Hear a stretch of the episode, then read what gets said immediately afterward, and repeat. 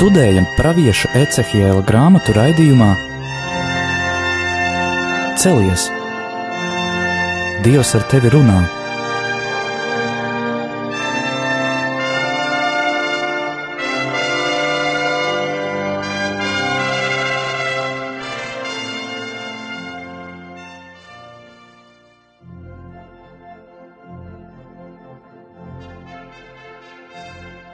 Slavēts Jēzus Kristus. Mūžīgi mūžos slavēts. Studijā ir Stela. Un Anģela.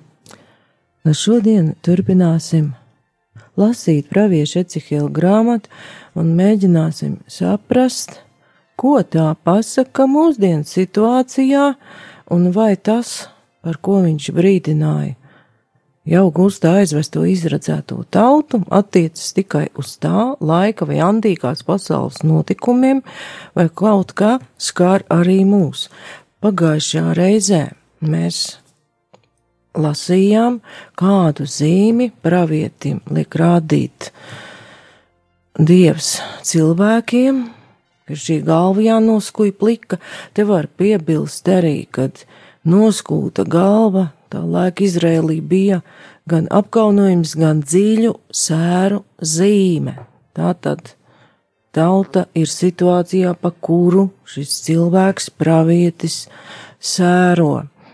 Bet tālāk, gan šai piektā nodaļā, gan arī sestajā un septītajā, visu laiku Dievs runājot uz pravieti, atgādina, teikt tādos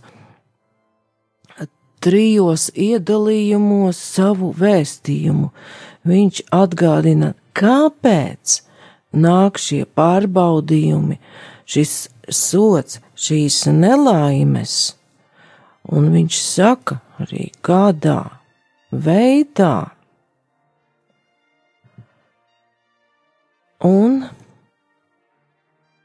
arī tās izpausmes viņš saista ar to, kas ir nodarīts. Un vēl var konstatēt, lasot uzmanīgi, ka tas, par ko kungs šeit brīdina tautu, viņš to nav nekur, tas nav jauns vēstījums, viņš nav to uzreiz izdomājis, tāpēc, ka viņam pie viņa ļaudīm kaut kas nepatīk. Viņš par to cilvēks ir brīdinājis jau Torā, Levītu grāmatā, kur ir svētības un lāsta vārdi, un pravietis Ecihels tos dažkārt pat atkārto. Un viss teksts ir sakārtots paralēlās struktūrās, tāpēc mēs atsevišķi katru šo 5, 6, 7 nelasīsim, bet pievērsīsim uzmanību galvenajiem jēdzieniem un simboliem, kuri tur ir, un kas ļauj šo vēstījumu saprast tā, ka mūsdienu Eiropā mēs esam tieši tur, pat, un lielas un niknas tautas stāv pie mūsu vārtiem, un ir jautājums, kāpēc un kā mēs reaģēsim.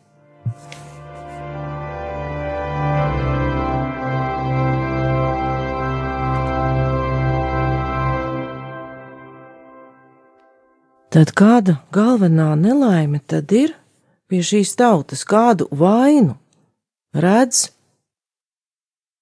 kungs, ka nāk šī sodība, un varam atkal un atkal sev un citiem atgādināt, ka tas nav tāds sots, kā nereti vecāki bez iemesla var paņemt platu cūkādu siksnu un to bērnu vienkārši iemizot, jo viņam ir slikts garstāvoklis.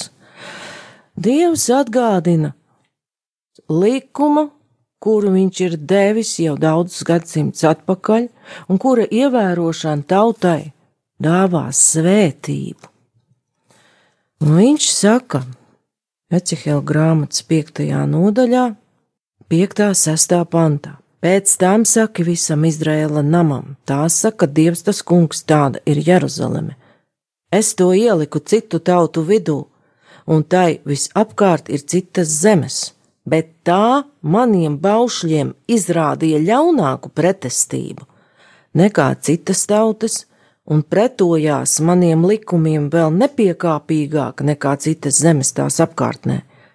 manus baušļus tie nonicināja, un maniem likumiem savos ceļos tie nesakoja. Tā tad tauta, autovadītāja terminoloģijā runājot, bija sākus braukt nepareiz ceļu un neņēma vērā kunga dotās ceļa zīmes. Un kāpēc varbūt pat ir šis sots tik briesmīgs, mēs jau tur iepriekš lasām, ka Jeruzaleme bija likta šī tauta kā paraugs citām tautām. Tai vajadzēja būt priekšzīmei, bet tā izdarīja pretējo tā, kunga likuma apgāja vēl ļaunāk un neievēroja, jo iespējams, ka uz to viņus pamudināja tieši ļoti laba likuma zināšana, un tad notika jau interpretācija savā labā. Es varbūt mazliet atgādināšu, atkārtotā likuma grāmatā par to, ka kungs svētīs savu tautu par ko, un kad tu klausīdams klausīsi tā kunga savu dieva balsi un turēsi visus viņa baušļus, ko es tev šodien pavēlu, tad tas kungs tavs dievs tevi jau augstus cels par visām zemes tautām, un par tevi nāks visas šīs svētības, un tas tevi piepildīsies, jo tu būsi klausījis tā kunga sava dieva balsī, svētīts tu būsi pilsētā, un svētīts tu būsi uz lauka, un tā tālāk. Paldies! Un uh, var saprast, un to arī Bībeles pētnieki zina, ka atkārtotā likuma grāmata tik tiešām atkārto likumu, nostiprina to cilvēku sirdīs un prātos, un arī šeit uh, tas, ko Anģela izlasīja, attiecas uz Levīta grāmatas svētības vārdiem, bet tai pašā Levīta grāmatā ir jau 26. nodaļa arī 14. pants, ka Bet ja jūs man neklausīsiet un nepildīsiet visus šos baušļus, un ja jūs mans likums nicināsiet, un jūsu dvēseles mans tiesas niecinās, nepildot visus šos baušļus, tad jūs lauzīsiet manu derību. Tātad Levīta grāmata paskaidro tuvāk kā likuma krājums, kas tad notiek. Ja ir šī atkāpšanās no baušļiem, tiek lausta derība ar kungu, Un tad seko tas, par ko runā pravietis Ecihils un mēģina sasniegt savas tautas ausis un sirdi, gan runājot, gan ar dažādām zīmēm.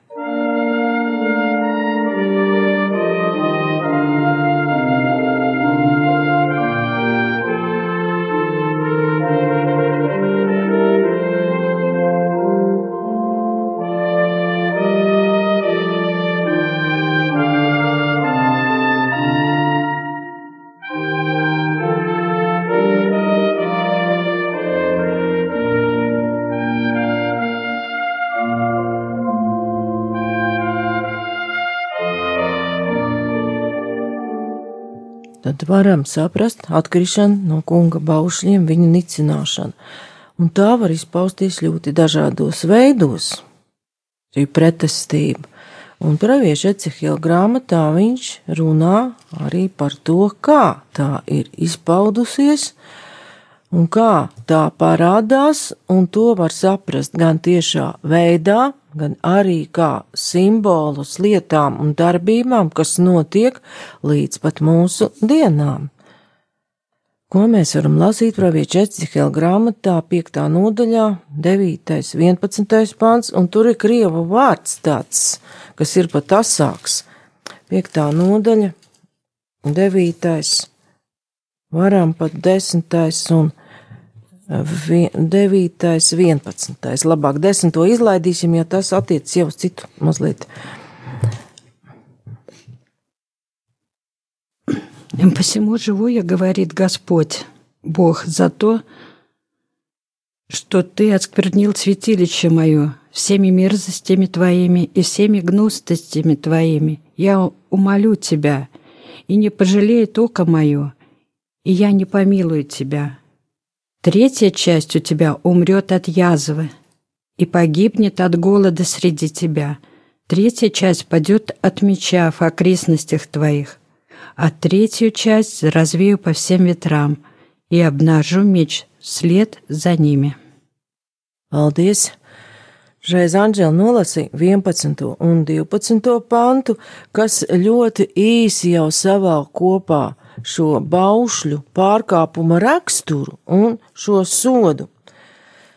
Tātad, kas ir noticis? Ir apgānīta kunga svētā vieta, visādu negantību, bet krievu merzests ir tāds asāks vārds. Viņš vairāk pasaka šo negantības, to nelietības, tādu garīgu pārkāpumu raksturu, kad ir tieši apvainots dievs, šis vārds to pat labāk izsaka. Viņu pat ir ļoti grūti pārtulkot latviešu valodā, un tāpēc arī labprāt gribu, ka Anžela lasa krieviski. Un jau redzam, ka šīs trešdaļa amēri, trešdaļa badā, trešdaļa krīt no zobena, tātad trijos dažādos veidos tauta tiek iznīcināta. Un arī par to mēri tur ir cits vārds lietojams. Un atkal ir būtiska atšķirība, mēģinot saprast, kas ar to ir domāts. Ar mēri mēs tad uzreiz saprotam to slimību, kur arī klāt ir tas, kas notiek, kad mēris ir, bet krieviski ir jazva, si tāda čūla.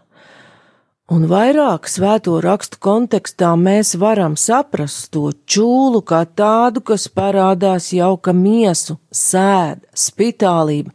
Tā tad tāda čūla, tāds slimība, kas cilvēkus sēd.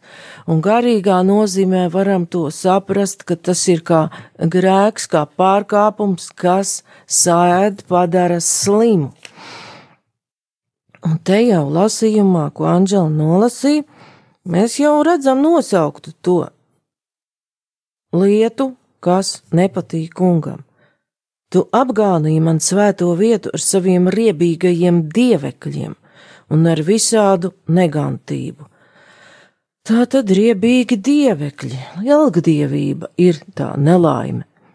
Sestā nodaļā, trešajā pantā mēs jau lasām atkal, un nodaļu sākumā, katrā gan sestā, gan septītā, lasām, un atkal par mani nāca tā kunga vārds, par mani nāca tā kunga vārds, tātad šis vārds par pravieti nāk, un viņu spiež teikt šos vārdus. Un sestā nodaļā mēs redzam, kā viņam tie ir jāsludina, griez savu vaigu pret Izraēla kalniem un sludini pret tiem, un saka jūs, Izraēla kalni, klausieties tā kunga vārdu. Kā saka Dievs tas kungs kalniem, pakalniem, trautiem un ielajām redzi, es likšu nākt par jums zobenam un iznīcināšu jūsu elku altārus kalnu augstienēs. Jūsu altārus nopostīs un jūsu saules stabus sagraus, jūsu nokautos es nometīšu jūsu dievekļu priekšā, Izraēla bērnu līķus es nometīšu viņu dievekļu priekšā un izkaisīšu jūsu kaulus ap jūsu altāriem. Tātad tur minēti kalni un jāsludina pret tiem. Pravietis Ecihils parāda, kā kāda tagad ir dieva attieksme pret šo tautu, tātad viņš it kā garā varēja skatīt šos tālos Izraēla kalnus, jo kalniem rakstos ir arī cita nozīme. Mēs varam pat lasīt, ka no kalniem nāk kunga palīdzība. Bet šoreiz ir savādāk, jo kas tad ir noticis? Līdz šie kalni, no kuriem nāk palīdzība, ir sagānīti ar elku altāriem kalnu augstienēs. Un tiešā nozīmē te var saprast, ka izrēlieši pieslējās tiem elku dievu kultiem, kurus piekopa tās apkārtējās pagānu tautas. Tur bija gan saules pielūgšana, gan dažādu altāru iekārtošana tik tiešām augstākās vietās. Un arī Levītu grāmatā mēs varam lasīt, un jūs ēdīsiet savu dēlu miesas, un jūs ēdīsiet savu meitu miesas, un es izpostīšu jūsu augstiņu svētnīcas un nolauzīšu jūsu elku stabus, jūsu līķus, es izmetīšu uz jūsu sadauzītiem elku tēliem, un jūs būsiet riebīgi manai dvēselē, un es darīšu jūsu pilsētas par postažām, un iznīcināšu jūsu svētnīcas, un ne, neodīšu jūsu upuru dūmu patīkamās smaržas. Paldies!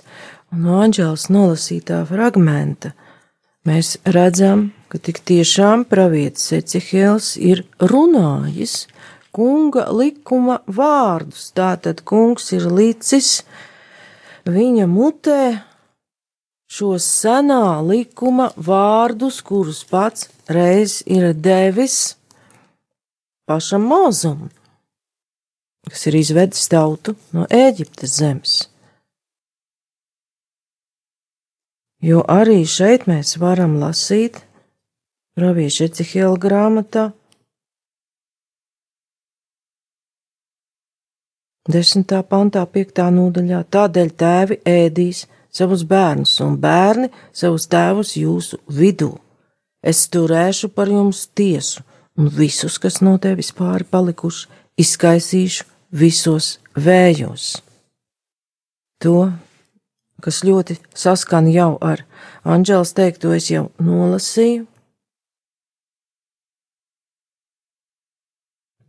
Tā tad varam secināt, ka šī elku dievu pielūgšana nes līdz milzīga posta.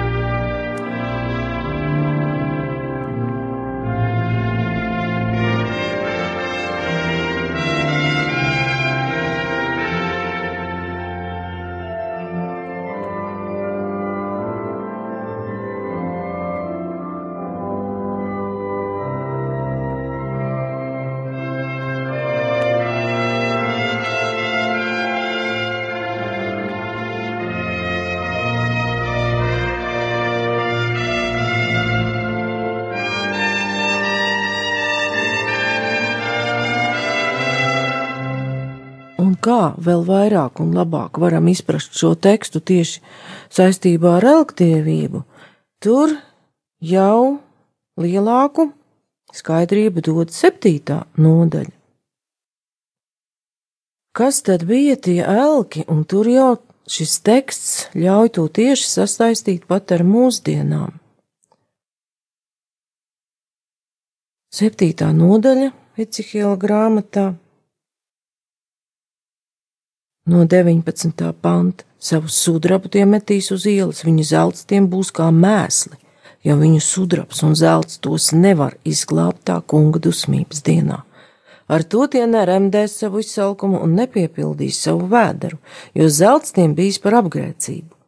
No tā darinātās rotas ir veicinājušas slepnību, un tie darināja no tā savus neģēdzīgos dievekļus, savus riebīgos elku tēlus. Tamdēļ es viņiem zeltu padarīšu līdzīgu mēsliem. Un 24. pants, 7. nodaļā es atsaukšu niknākās no citām tautām, tās ieņems viņu namus. Vara no lepnībai es darīšu galu, viņu svētnīcas tiks sagānītas. Redzam, ka te ir minēti zelts un sudrabs, tādi galvenie cilvēki iecienītie dārgmetāli. Un algdīvība jau izredzētai tautai nebija nekas jauns. Jāceras, ka viņa tika izvesta Mūzes vadībā no Eģiptes zemes, un arī Ābrahāms izgāja no senās Mezopotāmijas civilizācijas, kur visur šī algdīvība bija. Un varam atcerēties, kas notika, ka Mūzes ilgi kavējās kalnā sarunā ar Dievu. Viņš nāk zemē ar kunga likumu rokās. Izradzētā tauta jau ir atradusi citu likumu, visi danco ap zelta teliņu, jo tās lūk ir tas, kas izveda no Ēģiptes zemes. Un šeit ir tā problēma, ko arī redzam tekstā, Ecihēla grāmatā, ka cilvēks ātri iet pie tā, ko viņš var redzēt, redzams, elks. Šīs sestā nodaļa devītais pants Ecihēla grāmatā. Tur ir runa par kādiem pāri palicējiem, kuriem būs iespēja tomēr atrast atkal kungu. Šie jūsu pāri palicēji, kas aizvesti, mani pieminēs tur tautu starpā, kad es būšu salauzis viņu sirdi, kas neusticībā bija atkāpusies no manis un pārveidojis viņus acis, kas kā uz mīļākajiem raudzījās uz viņu elkiem. Tad tiem pašiem riepsies tas ļaunums, ko tie nodarījuši ar visām savām negantībām. Tad sākas jau viss ar to redzēšanu. Cilvēks raugās uz šo zeltu un sāk tam uzticēties, jo tas zelta teļš jau ir, un arī šeit šie zelta elki, mēs jau varam to saprast ne tikai kā to figūru. Jā, šīs figūras arī taisīja no zelta un sudraba, Un šo figūru taisītājiem dažkārt kristieši izraisīja lielas problēmas, un tad tur bija konflikti, pa ko mēs varētu izlasīt apustuļu darbu grāmatā. Tad galvenokārt tie simbolizē paļaušanos uz savu materiālo varenību, uz bagātību, turību, uz to, ko cilvēks savām rokām godīgi, ļoti daudzas reizes arī negodīgi ir ieguvis. Un Ecehila grāmatā kungs brīdina, ka tas viss paliks par mēsliem, un ka tāds šis process ir šīs sekas atkrišanai no likuma visām tautām un civilizācijām līdz laiku beigām. To mēs varam saprast, ja paskatāmies svēto rakstu pēdējā grāmatā, kas tad paliek pāri no visiem tiem ekonomiskajiem likumiem, kurus mēs cienam un godājam un ceļam lielās augstienēs. Atklāsums grāmatas 18. nodaļā, 11. 12. pantā vizionārs Jānis par to visu saka, par varano pilsētu Bābeli Visas zemes tautas raud, tirgoņi raud un cēro par viņu, tāpēc, ka neviens vairs nepērk viņu preces, zeltu un sudrabu, dārgakmeņus un pērles, līnu audeklu un purpuru zīdu un sarkanu audumu, dažādas tūjas kokus, dažādas ziloņkaulu lietas no dārga koka, vara dzels un marmora darināts priekšmets. Un tālāk seko vēl liels uzskaitījums dažādas luksus preces, kuras Kad nāk šis dieva sots, vairs neviens nepērk un par tām nedomā. Arī Mihas grāmatā praviša eh, ir teikts, ka uh, Dievs griežās pie savas tautas un uzrunā viņu, ko es esmu tev nodarījis, mana tauta, un ar ko es tevi būtu apkaitinājis. Atbildīja man to, es taču izvedu tevi no Eģiptes zemes un atsvaibināju tevi no tavas verdzības nama un sūtīja tev pa priekšu mūzu, Āronu un Mirjamu. Kā lai es tuvojos tam kungam, vai lai es nometos zemē augstā dieva priekšā, vai lai es tuvojos viņam, viņam ar dedzināmiem upuriem, veltījot viņam gadu vecus telēnus? Vai var iegūt tā kunga lapatiku ar daudziem tūkstošiem aunu, ar desmit tūkstošiem eļas straujumu? Jeb vai man jādod par manu pārkāpumu mans pirmdzimtais, manas miesas auglis par manas dvēseles grēkiem. Tev, cilvēki, ir sacīts, kas ir labs un ko tas kungs no tevis prasa, proti, darīt taisnību, mīlēt žēlastību un pazemīgi stāvēt sava dieva priekšā. Paldies!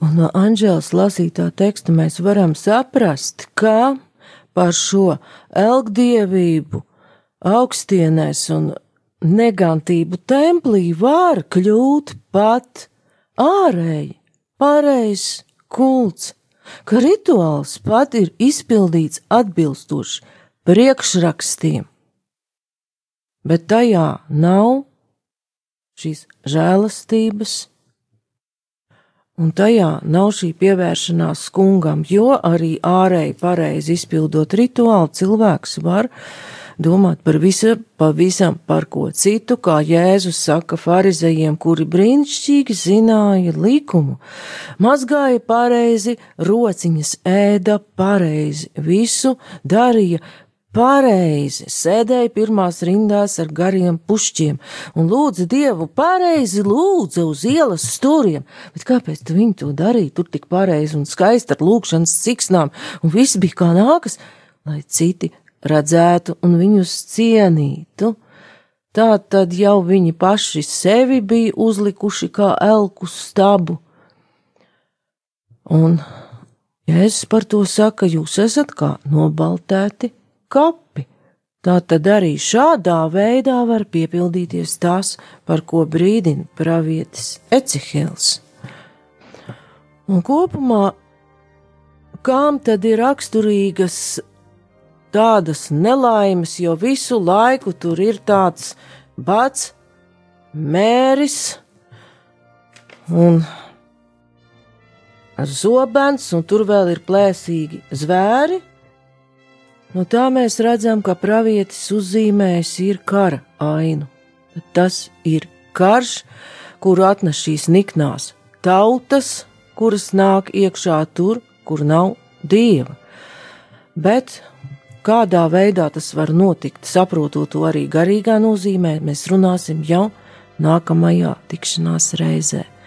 Studijā bija Stela un Anģela. Paldies par uzmanību!